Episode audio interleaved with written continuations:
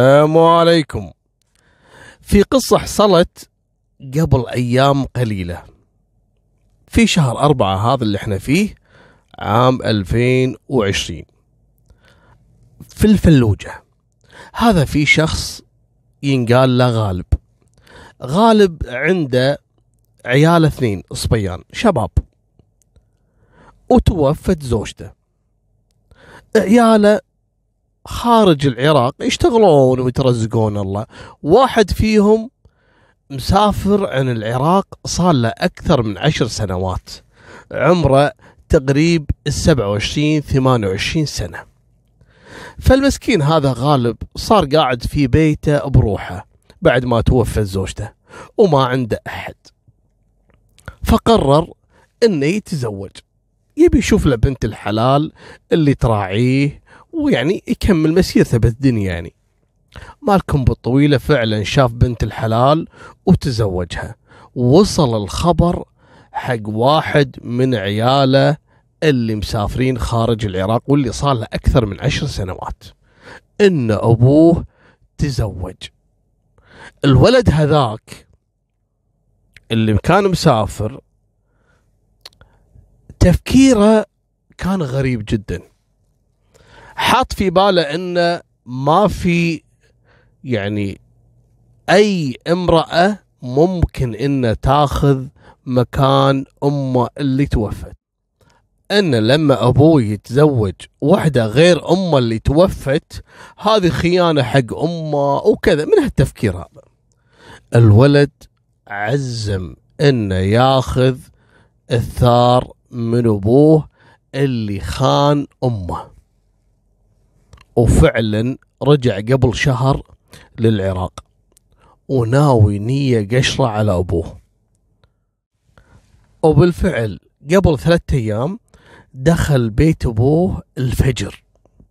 لكن سبحان الله كانت المصادفة أن الشايب هذا كان قاعد لصلاة الفجر راح يتوضأ ويبي يصلي.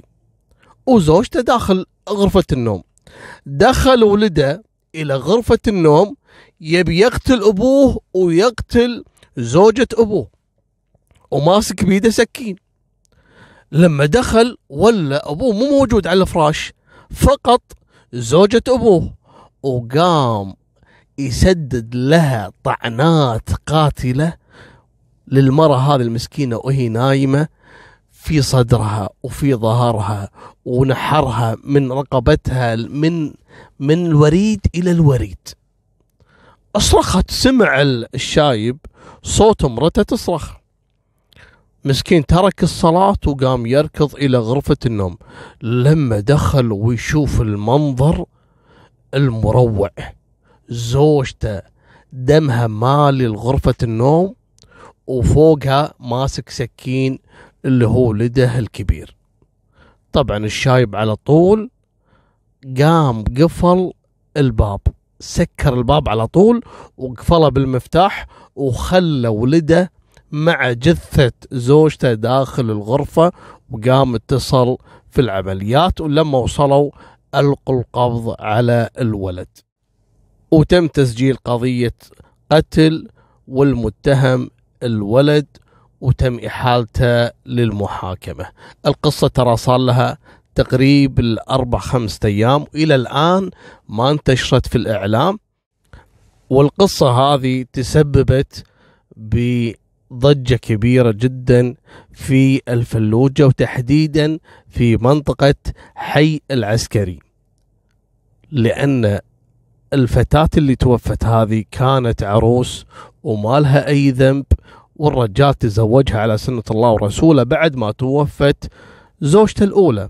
لكن تفكير الولد الخاطئ إن هذه تبي تاخذ مكان أمه ومن هالكلام هذا تسبب بألم كبير للعائلتين وكذلك تسبب بألم كبير لوالده.